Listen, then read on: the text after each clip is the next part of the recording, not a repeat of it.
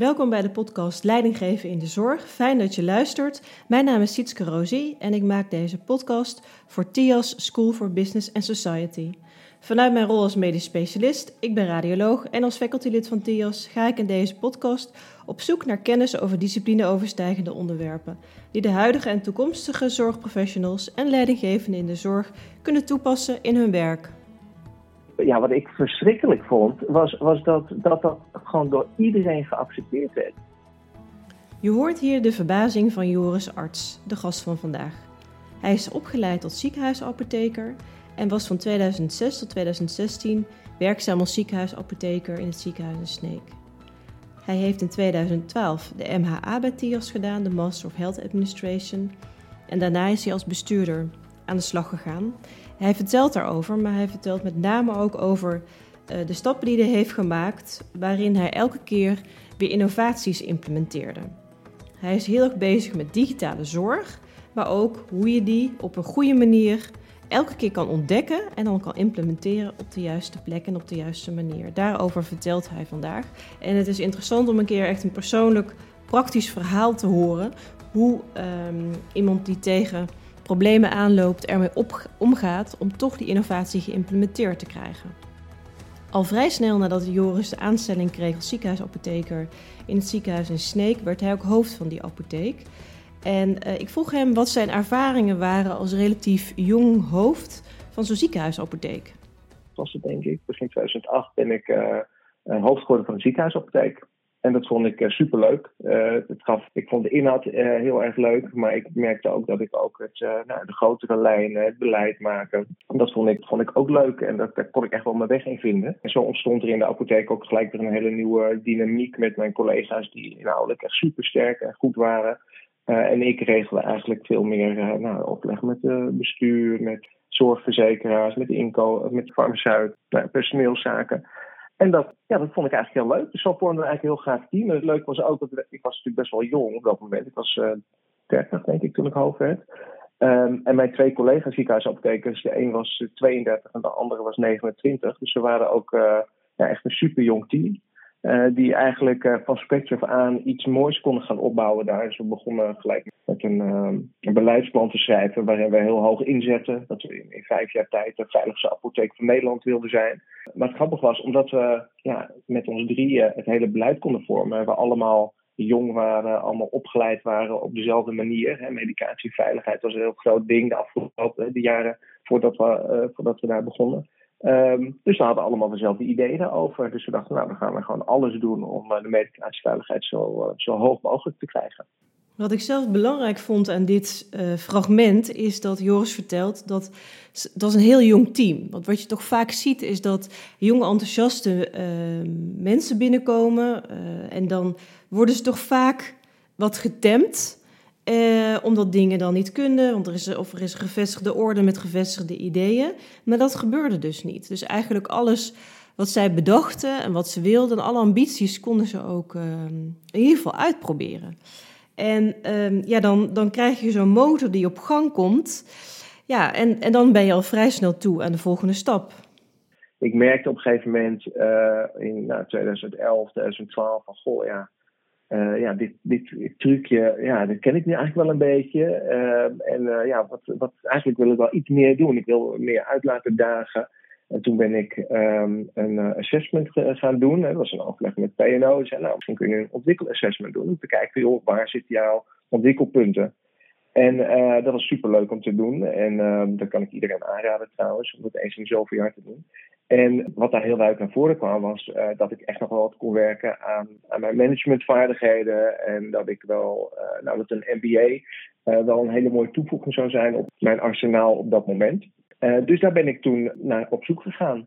Ja, dus dat ging Joris doen, de MHA, de Executive Master of Health Administration. En die, dat is een behoorlijke kluif als je de hele master doet, bestaande uit vier blokken en een paar modules, waar bijvoorbeeld een uh, studiereis en een masterthesis in zit. Hij start meerdere keren per jaar, maar je kan ook een losse module doen, die duurt drie maanden. Um, dus dat is vrij, vrij, flexibel. En het is heel gevarieerd qua deelnemers die eraan meedoen. Dus ik vroeg Joris aan zijn, om zijn ervaringen. Hoe heeft hij die MHA-tijd om die master te doen ervaren?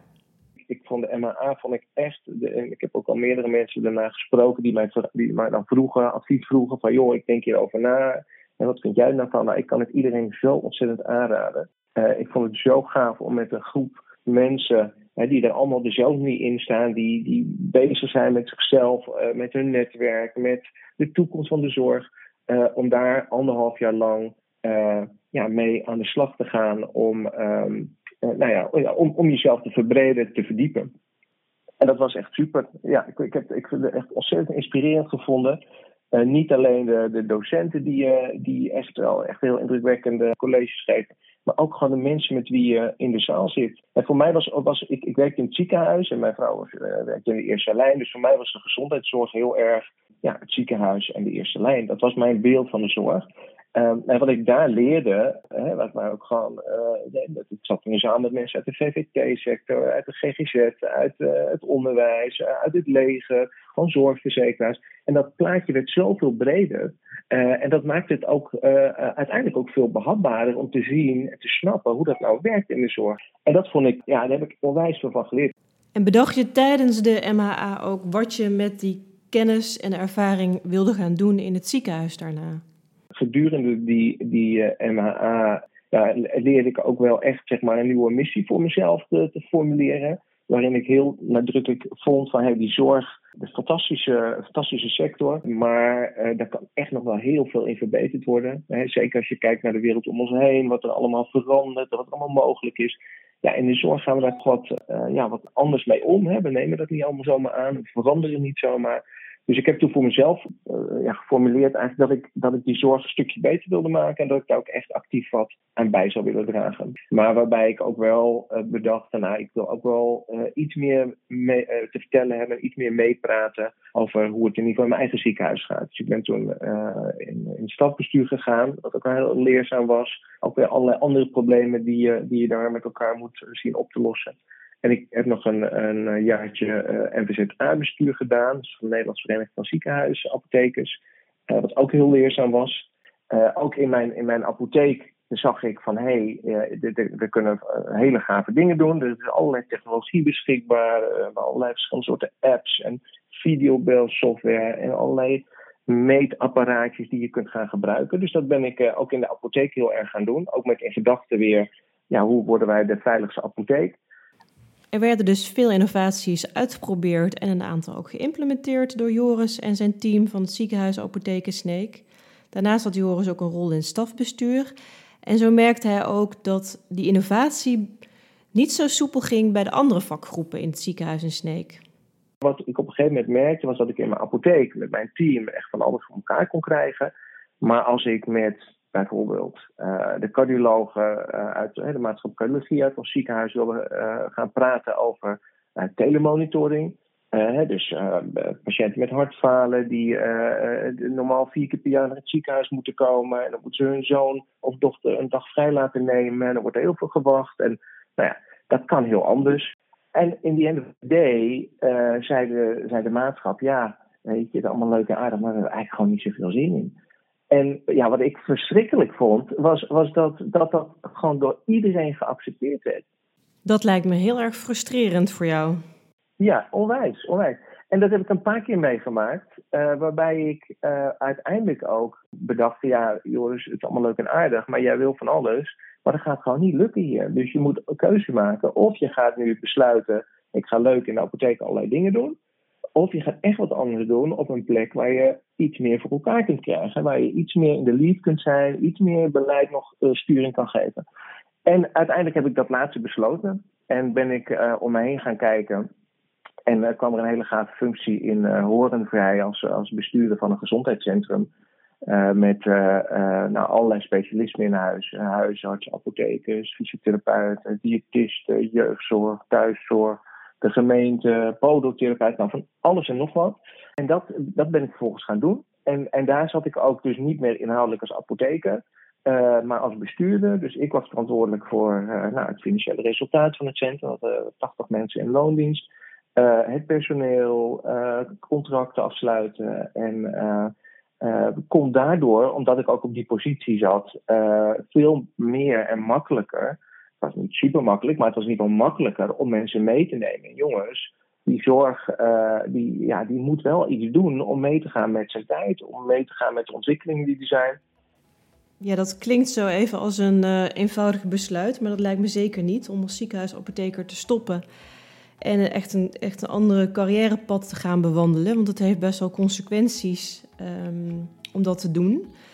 En um, daarnaast is het natuurlijk zo dat het voor dat diagnostisch centrum heel mooi is. Want je had en de nodige ervaring en de nodige kennis opgedaan inmiddels. Maar nog even terug naar die frustratie. Waarom denk jij dat die innovaties niet uh, geadopteerd worden door die medisch specialisten? Of dat er niet genoeg uh, energie is om dat in beweging te krijgen? ja, eh, wat, wat ik denk, en ik ben er ook echt wel een beetje cynisch in geworden, uh, dat uh, zorgprofessionals uh, nou, weinig incentive hebben om bijvoorbeeld dat telemonitoring te gaan doen omdat ze, ja, weet je, ze krijgen er niet meer inkomsten door, patiënten lopen niet weg. Ehm, ja, het is hartstikke ingewikkeld. Hè? Als je met tien mensen afspraak moet maken over een nieuwe werkwijze, ja, dan is het heel fijn als één iemand zegt: nee, nee, dat kan niet, want. Of dan zegt hij: oh prima, nee, dat kan niet. Nee, inderdaad, je hebt goed argument. Ja, dan hoeven we ook geen nieuwe procedures af te spreken, we hoeven niks anders te doen en dan blijft alles gewoon bij het oude. Um, ik denk, en dat heb ik jaar geleden ook al een keer uh, uh, in een opiniestuk geschreven, en dat is wel een beetje nou, een rode draad die, die met mij meegelopen is.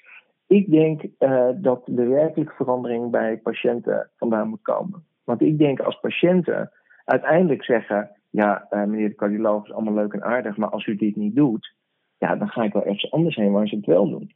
Uh, ja, uh, meneer, meneer, de huisarts, als ik niet bij u online een consult kan doen, ja, sorry, maar dan ga ik gewoon naar een andere huisarts. Want het is voor mij heel vervelend dat ik een dag vrij moet nemen naar u toe te komen. Als, als dat gaat gebeuren en, en patiënt krijgt ook echt de vrijheid om een andere keuze te maken. Want dat is vaak hartstikke ingewikkeld. Hè? Want je, je kan wel zeggen, ga naar een andere huisarts. Maar nou ja, dat is, dat is niet eenvoudig. Ja, plus mensen klagen wel over een huisarts, maar dan blijven ze toch bij die huisarts. Of het is allemaal postcode gebonden. Ja, ja en, en, en, en huisartsen maken ook daar afspraken over dat, er, nou, weet je, dat er daar, daar niet alle, allerlei verkeer heen en weer gaat. En als je in het ene ziekenhuis uh, heel lang moet wachten op een afspraak en je zegt, nou weet je, mag ik dan naar een ander ziekenhuis? Ja, dat is ook ingewikkeld, want er moeten allerlei data op. Ja, ik weet niet hoe dat nu is, maar een paar jaar geleden uh, moeten allemaal data op cd'tjes worden geprint en dat kost geld en dan moest ik dan betalen en dan kom ik met dat cd'tje naar een ander. Nou, super lastig. Uh, maar ik denk als dat makkelijker wordt en, en de, er kan echt zeg maar door de, door de patiënt uh, met de voeten verkozen worden waar hij dan heen gaat, dan verdwijnt er natuurlijk wel een zakje met geld uh, bij die maatschap die, of die, die zorgverlener die, uh, die die patiënt kwijtraakt. Als die wachtkamers leeg gaan raken omdat zij niet met hun tijd zijn meegaan, denk aan V&D, denk aan, nou noem eens wat, wat hè, daar, daar, daar, werkt het, daar werkt het allemaal net even iets anders. Maar weet je, die, ja, die vallen om of ze moeten zich ontzettend snel aanpassen, zodat die patiënten weer terugkomen. Uh, en ja, ik roep het al jaren en het is er nog steeds niet. En ik hoop elke keer dat het daar op een gegeven moment toch wel zal gaan gebeuren. Dat, dat zorgmensen gaan realiseren, ja, als ik niks doe, nu is het allemaal nog leuk en aardig, maar uiteindelijk ga, ga ik daar last van krijgen. Ja, dus last krijgen in de zin van je consument, je patiënt komt niet meer, want je wil zelf keuzes kunnen maken. En daar ben jij niet flexibel genoeg in, want je bent niet met je tijd meegegaan. Terwijl mensen dan komen we op zelfregie, waar jij ook een aantal blogs over hebt geschreven met een parallel naar de uh, corporate wereld eigenlijk. Um, verschillende bedrijven. En anderzijds ook, ja, op een gegeven moment kunnen we het natuurlijk ook allemaal niet meer um, betalen. En is het personeel er ook niet meer. Hoe zie je die dynamiek? Ja, ja nee, dat kan zeker bijdragen. Uh, maar ik denk dat er ook nog heel veel vlucht uh, in zit. Hè? Als, je zegt, als je het hebt over zelfregie, uh, waar ik inderdaad een paar blogs over heb geschreven bij verschillende bedrijven, uh, dan zie je dat dat uiteindelijk voor de patiënt heel fijn is. En voor de, voor de aanbieder van een product ook heel erg lean en efficiënt is. als voorbeeld, hè, het PostNL. Een ontzettend interessant bedrijf. Um, heb ik uh, uitgebreid gesproken over hoe zij omgaan met innovatie. En nou, wat, wat ik gaaf vind aan PostNL is dat zij hebben een, app. Hè, en daar, kun je, daar krijg je ochtends krijg je een appje binnen. Er is post onderweg. Of uh, er komt een uh, pakketje aan en dan kun je aangeven: ja, ik wil het graag morgenavond bezorgd hebben. Of ik wil het juist zelf ophalen. Of nou, allemaal keuzes waarbij ik als klant denk: wat gaaf. Wat gaaf dat ik gewoon ochtends, ik zit bij het ontbijt en ik kan gewoon bepalen waar ze mij het pakketje komen brengen of hoe ik aan mijn pakketje kan komen. Dus ik leg dat dan terug bij PostNL en dan zeg ik, joh, wat gaaf dat jullie dat doen. Hè? Hoe klantgericht is dat? En het leuke vind ik dan om te horen van zo'n bedrijf, die zegt dan, ja, uh, leuk, leuk om te horen, maar je moet ook weten, onze taak is het, uh, of ons doel is om een zo hoog mogelijke drop rate te hebben. Dat betekent uh, de succesfactor dat je iemand uh, iemand uh, thuis bereikt. Zodat je het pakketje in één keer goed af kan leveren. Want, zeggen zij, als wij langskomen en je bent niet thuis, dat kost ons heel veel geld. Want dan moeten we of nog een keer terugkomen. Het is echt een win-win. Want ze, moeten, ze moeten naar de buren toe of naar allemaal gedoe. En dan denk ik, hé, hey, als je op die manier, hè, en dan parallel naar de zorg, hè, wat nou als we patiënten meer zelf laten doen? Dat kan voor de patiënt heel fijn zijn. En laat ik hier ook gelijk bij zeggen, dat is natuurlijk niet voor iedereen zo. Maar als je bijvoorbeeld kijkt naar bepaalde chronische patiënten, nou, er zijn denk ik heel veel processen waar zij heel goed van de hoogte zijn hoe dat werkt, hoe dat moet. En als je daar meer eigen regie in geeft, nou, dan kan dat voor hen heel prettig zijn. Maar aan de andere kant ook voor de zorg veel goedkoper, omdat je uh, minder tijd kwijt bent, uh, omdat er dingen geautomatiseerd worden, waardoor je niet drie keer eerst verpleegkundige en dan de, de specialisten uiteindelijk nog een secretaresse iets na moet vragen. Nee, dan is dat allemaal al geregeld. En ik denk eigenlijk dat dat, dat een hele belangrijke uh, les is die we zouden kunnen leren van heel veel andere bedrijven. Want ik zeg nu PostNL, maar dat geldt ook voor EasyJet, uh, dat geldt ook voor Citizen M, de hotelketen. Die laten heel veel bij de klant zelf liggen. De klant vindt het geweldig en het bedrijf zelf heeft er eigenlijk alleen maar voordeel bij. Ja, mijn ervaring is dat heel veel ziekenhuissystemen niet verder dan een paar maanden vooruit kunnen plannen. Dus als ze dat zelf niet kunnen, hoe zouden ze dan hun patiënten dat mogelijk moeten kunnen maken? Maar goed. Plus, we willen ook altijd alles meteen perfect doen. Hè? En ook meteen voor de hele groep. Terwijl het volgens mij niet voor de hele groep hoeft. Je kan ook zeggen, we doen het voor een deel. Die zijn dan heel blij. En dan hebben we ook tijd en energie nodig om aandacht en tijd te besteden aan de mensen die dat niet zelf kunnen of willen. Jij hebt als bestuurder van het gezondheidscentrum in Hoorn ook ervaring dat je online afspraken mogelijk wilde maken in de huisartsenpraktijken. Daar was weerstand tegen. Hoe ging dat in zijn werk? Ja, het leuke was dat, dat met, wat jij nu beschrijft, dat online afspraken maken, was dat er inderdaad was veel weerstand tegen. Want ja, allemaal redenen waarom dat niet goed was. En toen zei ik ook, nou weet je, laten we afspreken. Elke keer als het misgaat, uh, dan mail je mij en dat verzamelen we en dan uh, evalueren we na een tijdje. Nou, en dat gebeurde ook elke keer als er een patiënt bij de dokter was die ook door de assistent had uh, geholpen kunnen worden, dan kreeg ik een mailtje, vaak twee mailtjes van de dokter en van de assistenten. Uh, uh, als iemand meerdere klachten had en maar tien minuten de tijd had. Maar uiteindelijk bleek dat in, ik geloof anderhalf jaar tijd, waren dat tien mailtjes. Uh, dus het ging uiteindelijk helemaal nergens over. En dat, dat hielp ook wel de arts te overtuigen van, ah ja, het is eigenlijk toch wel prettig. En het heeft toch eigenlijk ook wel voordelen. En toen we naar een nieuw systeem gingen, was de eerste vraag: ja, met die online afspraken, dat kan dan toch ook nog wel. Hè? Nou, dat, wat mij betreft het ideale voorbeeld om te schetsen dat het, ja, dat uiteindelijk toch geaccepteerd werd. En het was dus niet zo dat mensen alleen nog maar online een afspraak konden maken en niet meer konden bellen. Want dan kan ik me die weerstand nog voorstellen als je ineens helemaal overgaat. Maar dat was niet het geval, toch? Uh, nee, nee, uh, mensen konden altijd, altijd nog bellen. Um, maar ze, ze kregen de mogelijkheid erbij om het ook online te doen. Dus het was, het was en-en. Ik, ik hoorde collega's die daar ook mee experimenteerden en die bijvoorbeeld ervoor kozen om als mensen online eerder, of als ze online afspraak maakten, dat ze meer keus hadden uit de tijdstippen of op een bepaalde manier voordeel hadden door het online te doen. Dus bijvoorbeeld populaire tijdstippen die kon je uh, sneller online dan via de telefoon uh, reserveren. Zo zijn er dus allerlei manieren om mensen een beetje in beweging te krijgen en iets nieuws uit te laten proberen, waar ze dan misschien wel blijer mee zijn dan in de oude situatie. Plus, wie zit er aan de telefoon? De doktersassistenten. En die eh, heeft natuurlijk ook heel veel andere dingen te doen. En daar heeft ze dan, hij of zij, veel meer tijd voor. En zeker de afgelopen tijd in de coronacrisis zullen zij wel heel veel gebeld zijn door bezorgde mensen. En dat is meteen een brug naar mijn volgende vraag. Want ik wil weten of Joris denkt dat de digitalisering sneller of anders is gegaan het afgelopen jaar als gevolg van de coronapandemie. Nou, als, je, als je kijkt dat, dat er een verschil zit als mensen zelf kiezen om online dingen te doen en als professionals zelf kiezen om online zorg te leveren, dat dat een heel ander uitgangspunt is dan wanneer er van de een op de andere dag uh, door iets anders wordt besloten, bijvoorbeeld corona, um, om, uh, om het op die manier te gaan doen. Want je ziet nu dat nu er, uh, de, de maatregelen versoepeld worden, nu er meer mogelijkheden zijn om weer offline zorg te leveren, dat er toch wel een heleboel zorgverleners en ook patiënten toch wel weer blij zijn dat het niet meer online hoeft. Um, een netto-effect is denk ik wel, hè, want we hebben er wel allemaal aan kunnen snuffelen en we hebben allemaal gebruik van kunnen maken. En ja, er was weinig discussie over. Uh, dat er ook wel een groep mensen is, uh, maar dat zeker niet een, een, grote meerderheid, maar dat een groep mensen is, patiënten en uh, zorgprofessionals, die hebben ervaren van hé, hey, dat kan eigenlijk best wel. En het heeft eigenlijk ook wel zijn voordelen dat ik niet ergens heen hoef. Of dat ik het misschien een keer op een avond iets kan doen in plaats van uh, alleen maar overdag als het kantoor of de zorginstelling waar ik werk open is. Um, dus het heeft wel wat effect gehad, maar niet zeg maar de, de, het, het massale effect waar ik eigenlijk op had gehoopt. Namelijk dat het voor iedereen volstrekt vanzelfsprekend zou zijn tegenwoordig uh, van alles online te gaan doen. Nou heb ik Joris ook gevraagd om te reflecteren op de podcast uh, die ik heb gemaakt met uh, gesprek wat ik met Erik Gerritsen, de secretaris-generaal van VWS, had. En dan merkte hij toch op, ja, VWS heeft een heel groot bereik.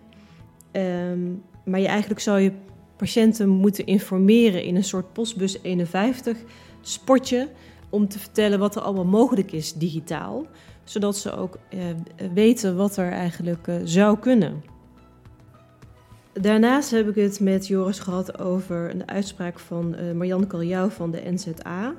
Uh, waarin zij zei van ja, als er nu een verandering van betaaltitels nodig is om mensen digitaal aan de gang te krijgen, dan gaan we dat doen. Dus dan gaan we bijvoorbeeld zeggen van we gaan een fysieke polieafspraak niet meer vergoeden als dat ook digitaal had gekund in onze ogen. Um, nou ja, daar voelt Joris ook wel wat voor. En zo zie je dat er, ja, er zijn uh, allerlei dingen nodig, maar ook mogelijk om daar beweging in te krijgen? Ik denk dat heel veel prima kan uh, online. En ik denk ook goed nadenken over wat precies het, het doel daarvan is. Hè? Is, het, is het doel om de zorg uh, goedkoper te maken? Is het om het, om het patiëntvriendelijker te maken, om het beter te maken? Dat kunnen allerlei verschillende redenen zijn om dit te stimuleren.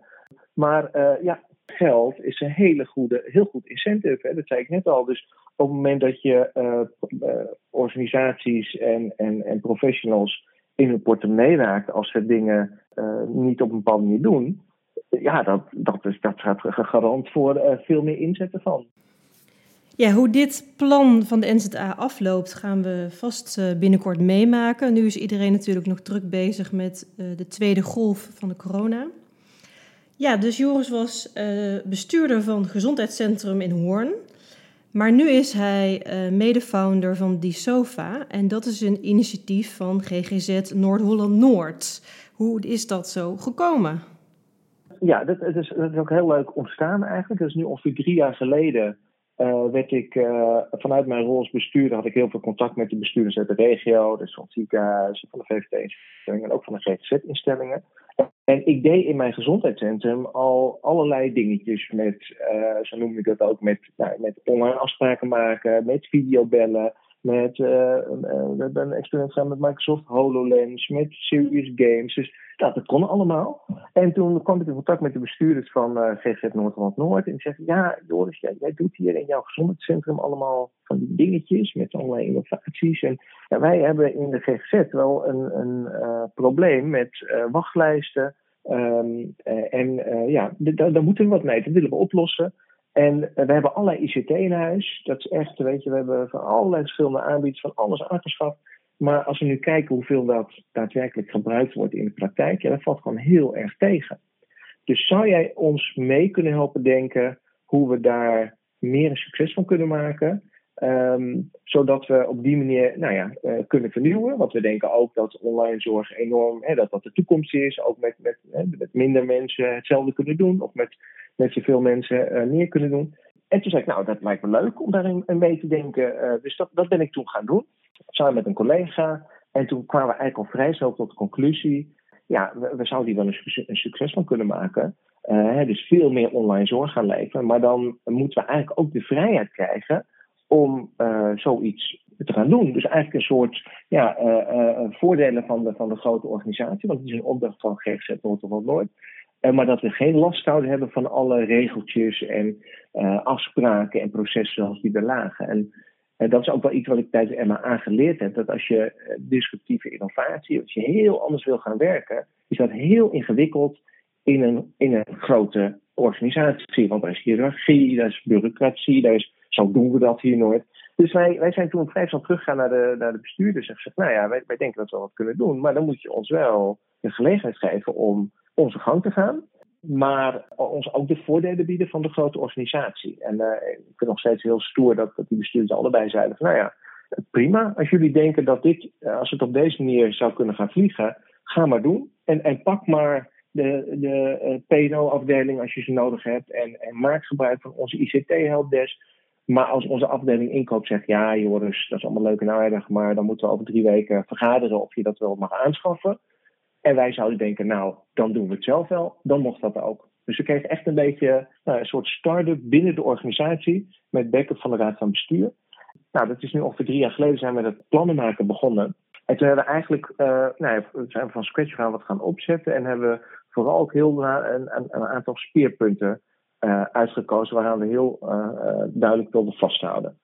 Nou, één daarvan was dat we alles online wilden doen. Dus we wilden eigenlijk niet de discussie hebben, ja, kan deze patiënt online of offline? Nee, bij ons was het heel duidelijk, als je bij ons uh, in de zorg wilde, dan zou alle zorg online gaan. En nou, wij, wij leveren basis GGZ en die zorg online die bestaat uit videobellen, gecombineerd met opdrachten via modules, via een internetplatform. En dat is, uh, dat is niet ongebruikelijk, uh, dat, dat, zo'n internetplatform, want dat werd al heel veel gebruikt. GGZ Noord-Noord gebruikt dat zelf ook al. En wat wij dus anders deden, was dat je bij ons niet fysiek een gesprek kon hebben. Je ging echt achter je computer zitten, uh, de behandelaar ging achter de computer zitten en zo uh, had je een sessie van, van een uh, drie kwartier tot een uur. Een van de speerpunten van die SOFA is dus 100% online. Dat betekent ook dat datgene waar veel GGZ-instellingen, maar eigenlijk alle zorgorganisaties of heel veel mee zitten, en soms ook een beetje mee zitten in de transitie naar het digitaal gaan, is het vastgoed. En dat, dat heeft die SOFA dus niet. En daarnaast is het ook zo dat ja, als je dat niet hebt, dan heb je misschien wel meer dingen niet. Als je geen kantoor hebt, dan heb je ook voor je medewerkers meer, meer vrijheid, eh, fysiek gezien. Ja, ja, dat klopt ook. Ja. Ja, dus dat is eigenlijk ja, een, direct gevolg daarvan. Um, we, hebben geen kantoor nodig, uh, dus we hebben ook geen kantoortijden. Hè, dat de, de, de behandelaren uh, ja, uh, deden hun behandeling, gaat hun behandeling vanuit huis. Maar dat dus ook op de, op de momenten dat het hen uitkomt. En inderdaad, we hebben Nederlandse geregistreerde GZ-psychologen, die in Tel Aviv wonen, die in Amerika wonen, die op Curaçao wonen, maar ook in Europa, Engeland, Spanje. Dus dat is eigenlijk een direct gevolg van het feit dat we online werken. Maakt het niet uit ja, wanneer je werkt. Dus we laten onze behandelaar ook heel vrij. Van joh, regel met je cliënten uh, je afspraken. En als je een keer uh, op een andere dag wil werken, ja, voor mij, ik hoef het niet te weten. Als je maar met je patiënten communiceert en die afspraak maakt, dat je het op een andere dag gaat doen. Ja, dat is heel mooi. Dus er is flexibiliteit in plaats en in tijd. En hoe zat het met de vergoedingen? Want ik hoorde jou laatst zeggen in een webinar dat je geen aparte afspraak hebt hoeven maken om, het, om deze behandelingen vergoed te krijgen. Hoe zit dat? Klopt, ja. Dat, is, dat is ook wel iets wat wij gedurende het proces van het starten van die SOFA. Uh, ja, ik, ik, ik, ik, kwam helemaal niet uit de GGZ, hè, dus ik wist er niks van. Dus ik moest alles uitzoeken. Maar ik kwam achter heel veel dingen Ehm, waar, waar, waar collega's van zeiden: nee, maar dat, Joris, dat kan niet. Want je kan niet alleen online, want je moet ook iemand fysiek ontmoeten. En omdat het helemaal nieuw was en ook een beetje eigenwijs, dacht ik: nou, ik ga dat ook gewoon zelf uitzoeken. Leg maar uit, waar staat dat dan en hoe zit dat precies? En dan bleek bijvoorbeeld dat bij basis GGZ eh, de NZA gewoon heel duidelijke beleidsregels heeft waarin staat. Uh, een, uh, een, contact met, met een cliënt in de basis GGZ, dat kan telefonisch, dat kan fysiek, dat kan online zijn, dat kan via e-mail zijn. Dat maakt allemaal niet uit. Je hoeft niet iemand fysiek ontmoet te hebben om zorg te kunnen leveren.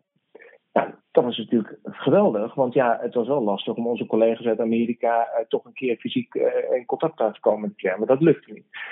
Maar dat mocht gewoon. En daarnaast had GGZ Noord-Holland-Noord, waar wij dus onderdeel van zijn, had contracten met alle zorgverzekeraars voor basis GGZ. Dus wij konden eigenlijk gewoon direct één op één die contracten gebruiken om onze zorg te declareren. Dus er was helemaal niks, er hoefde niks geregeld te worden. De zorgverzekeraars, ehm, die wij hier uitgebreid over informeerden, die waren heel enthousiast. Uh, wat ze zeiden, en dat is misschien nog belangrijk dat ik net niet benoemd, een ander heel belangrijk speerpunt, waarom het eigenlijk ook wel begonnen was, was dat wij niet wilden dat we een wachtlijst hadden. Dus vanaf dag één hebben wij gezegd, wij nemen ons uh, personeel zo aan dat wij kunnen garanderen dat als mensen zich bij ons aanmelden, uh, dat ze binnen werkdag worden teruggebeld of teruggemaild, of in ieder geval contact met ze wordt opgenomen, en dat ze dan de dagen erna in behandeling kunnen.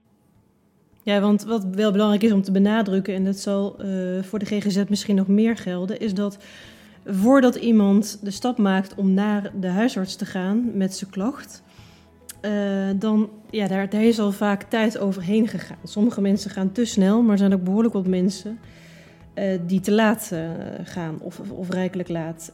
dus op het moment dat ze dan eenmaal die moed bij elkaar hebben geraapt, bij de huisarts zijn beland en een verwijsbrief krijgen voor de GGZ, dan is het natuurlijk heel demotiverend als ze dan daarheen heen bellen en zeg, gezegd wordt: ja, er is twaalf weken wachttijd. Ja, dat werkt heel demotiverend.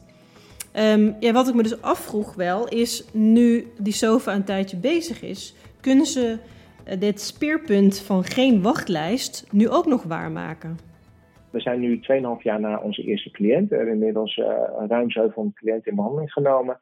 Um, en wij, wij kunnen het gewoon garanderen. Dus wij hebben elke keer, dus ook als, wij, als ik straks een aanmelding binnenkrijg, dan zorg ik dat er vandaag nog contact wordt opgenomen. En dat ze, uh, uh, nou, het is nu woensdag. Dus ehm, wat ik dan vaak zeg, nou, voor het eind van de week heb jij een voorstel voor een intake in je mailbox. En, um, en dat gaat gewoon prima. En mensen zijn daar heel erg verbaasd over, omdat ze toch overal lezen dat, het, dat de wachtlijsten zo erg zijn en dat het online allemaal ingewikkeld is. Nou, dat is dus niet zo en dat hoeft helemaal niet. Maar ja, dat komt ook vooral omdat wij ons hele proces binnen die software hebben ingericht dat dit is gewoon een heel belangrijk speerpunt. Dus het kan bij ons niet gebeuren dat een dag de mails niet gecheckt worden. Uh, dus wij, dat is onze belangrijkste uh, taak, is zorgen dat mensen zo snel mogelijk reactie hebben. Ook als, als, de, als het antwoord is, sorry, maar dit, deze zorg bieden wij niet, hiermee kunnen we weer niet helpen. Maar dan zorgen we ook altijd dat we meedenken en zeggen: Nou, uh, maar wij hebben wel goede ervaring met die en die instelling en die doet het wel. En die doet het ook online. Dus je zou daar kunnen informeren. En hoe zit het met het verzorgingsgebied? Uh, komen de cliënten uit regio Noord-Holland-Noord of komen ze overal vandaan? Eh, Brabant, Limburg, Groningen, maar, maar ook bijvoorbeeld een jongen die aan het backpacken is in Australië en daar een paniekstoornis krijgt. Um, die hebben we ook behandeld. Uh, Nederlandse studenten in Amerika. Uh, het, het, is uiteindelijk zo dat maar 20% van de cliënten komt uit onze regio, de regio van GGZ Noord-Noord. De rest komt ergens anders vandaan.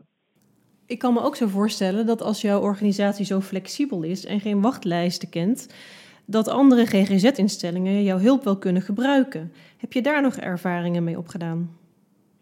Ja, ja, nee, ik heb vooral in het begin, um, dat wou ik vertellen inderdaad, toen ben ik ook uh, op een gegeven moment met zorgverzekeraars gaan, gaan praten en uitleggen wat doen wij. En een van de zorgverzekeraars verwees mij door naar een partij, naar een grote GZ-instelling. Die zegt, nou ja, daar zijn ze locaties aan het sluiten omdat ze geen personeel hebben.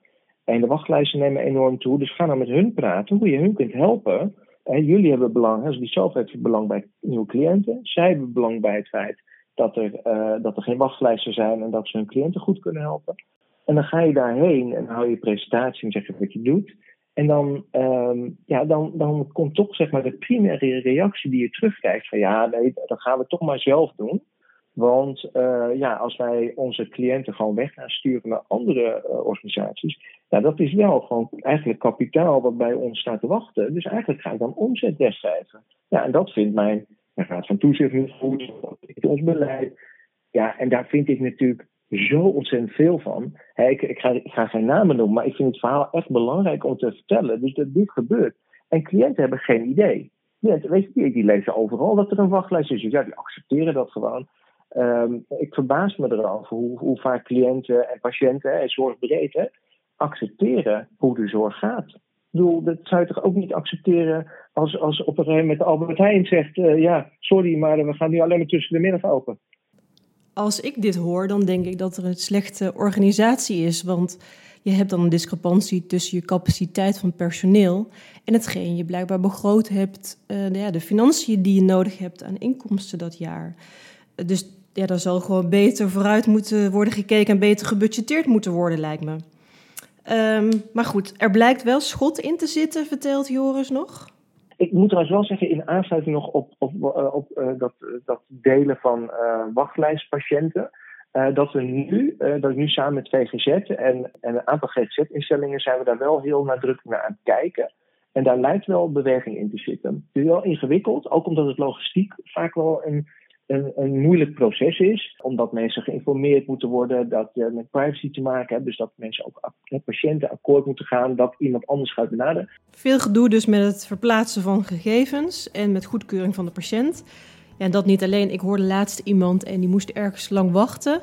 Dan wilde ze naar een ander ziekenhuis, maar was ze bang dat ze dan, als ze zich daar zou aanmelden met haar verwijzing, misschien twee keer eigen risico zou moeten betalen. Dus ik kan me voorstellen, dus door deze extra stap die jullie zetten en het voor mensen regelen dat ze als ze ergens moeten wachten er bij jullie terecht kunnen. En het feit dat jullie volledig online zijn, waardoor er flexibiliteit ontstaat, dat jullie door zorgverzekeraars als een best practice worden gezien.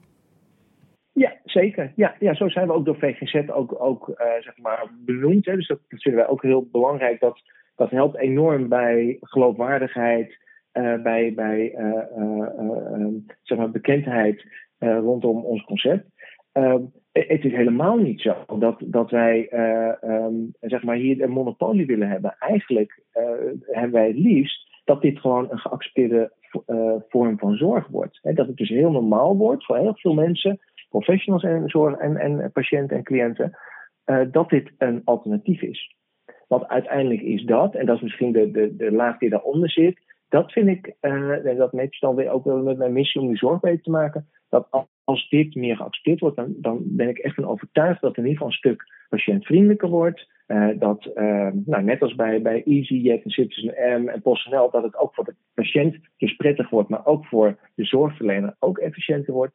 En dan maken we de zorg met z'n allen echt een stukje beter. Iets anders dat patiëntvriendelijk is, is dat je als cliënt van de GGZ maar één gezicht ziet. Dus dat je uh, niet elke keer als je er bent of als je een afspraak hebt of gedurende het proces verschillende mensen je verhaal moet vertellen, bijvoorbeeld. Hoe hebben jullie dat benaderd? Uh, wij vinden het belangrijk dat het contact tussen behandelaar en, en cliënt uh, heel goed moet zijn. En daar is ook heel veel wetenschappelijk bewijs voor. Hè, dat hoe beter die klik, hoe beter ook het effect van de behandeling. Maar wij zorgen dus ook voor dat vanaf de kennismaking, de intake, de hele behandeling en de afsluiting van de behandeling, dat alles is, is, uh, wordt gedaan door één en dezelfde uh, behandelaar. En dat, ja, dat, dat, dat vinden de behandelaren ook geweldig. Want met name GZ-psychologen, die zijn, het, die zijn het helemaal niet meer gewend. Weet je, die worden vaak inderdaad bij een heleboel verschillende patiënten ingevlogen om even mee te kijken en akkoord te geven en werkbegeleiding te geven. Maar bij ons doen ze gewoon alles. Ja, en dat, ja, dat, dat vinden ze zelf heel leuk, want ja, daar zijn ze ook echt voor opgeleid.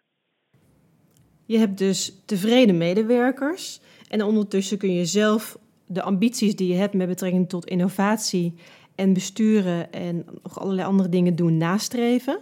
Als er nou luisteraars zijn die zelf ook een andere stap in hun carrière nastreven, wat zou je ze dan willen adviseren? Wat mij geholpen heeft, uh, is dat ik. Nou, de eerste stap, hè, wat, dat, zo'n ontwikkelassessment doen dat, vond, dat vond ik zo'n eye-opener. Dat je dus echt met iemand even de diepte in gaat en kijkt, ja, maar waar, hè, wat, wat is nou goed voor mij? Wat is, nu, wat is nu een goede volgende stap voor mij? Wat past bij mij? Um, dat heeft me echt op het spoor gezet van die eh, MHA-opleiding. Ja, en daar werd ik helemaal geïnspireerd om. om en, en, en kreeg echt voeding en vertrouwen om, om die volgende stap te zetten. Dat is een advies wat ik zou willen geven. Een ander uh, advies, wat ik ook wel echt wel heel erg belangrijk vind, wat ik zelf ook heel erg veel gedaan heb, is uh, op andere plekken gaan kijken. ga met allerlei organisaties, met allerlei functies ook. En met heel veel bestuurders meegelopen van VG-instellingen, van VVT-instellingen, van, van ziekenhuizen. Om gewoon daar te zien wat gebeurt er nou. Om daar ook echt een goed beeld bij te krijgen en zelf ook weer veel van te leren. Um, en, en doe dat zowel binnen de zorg, maar ook als je die gelegenheid hebt, ook buiten de zorg. Dat kan ik ook ontzettend aanraden. Dus kijk om je heen. Uh, via LinkedIn kun je heel veel mensen uh, benaderen. Uh, benader mij als je denkt van joh, ik zou wel een, een, een, kijkje willen nemen in een andere organisatie. Want ja, mijn ervaring is dat ja, als je mensen benadert van een bedrijf met deze vraagstelling, dat ze heel graag willen laten zien wat ze doen, hoe ze dat doen, waarom ze dat doen. Met deze adviezen sluiten we de negende aflevering van deze podcast Leidinggevende Zorg af. Ik wil Joris Arts hartelijk bedanken voor zijn openhartige gesprek met mij. En uh, ik hoop dat jullie iets hebben geleerd van de manier waarop je dus je loopbaan ja, een andere wending zou kunnen geven. Maar ook van uh, de manier waarop hij innovatie omarmt en nieuwe dingen doet in de zorg. Mochten jullie vragen hebben, dan kunnen jullie mailen naar held-podcast.tias.edu. En vertel iedereen uh, van deze podcast als je van deze podcast genoten hebt. En ik hoop dat jullie de volgende keer weer luisteren. Dag!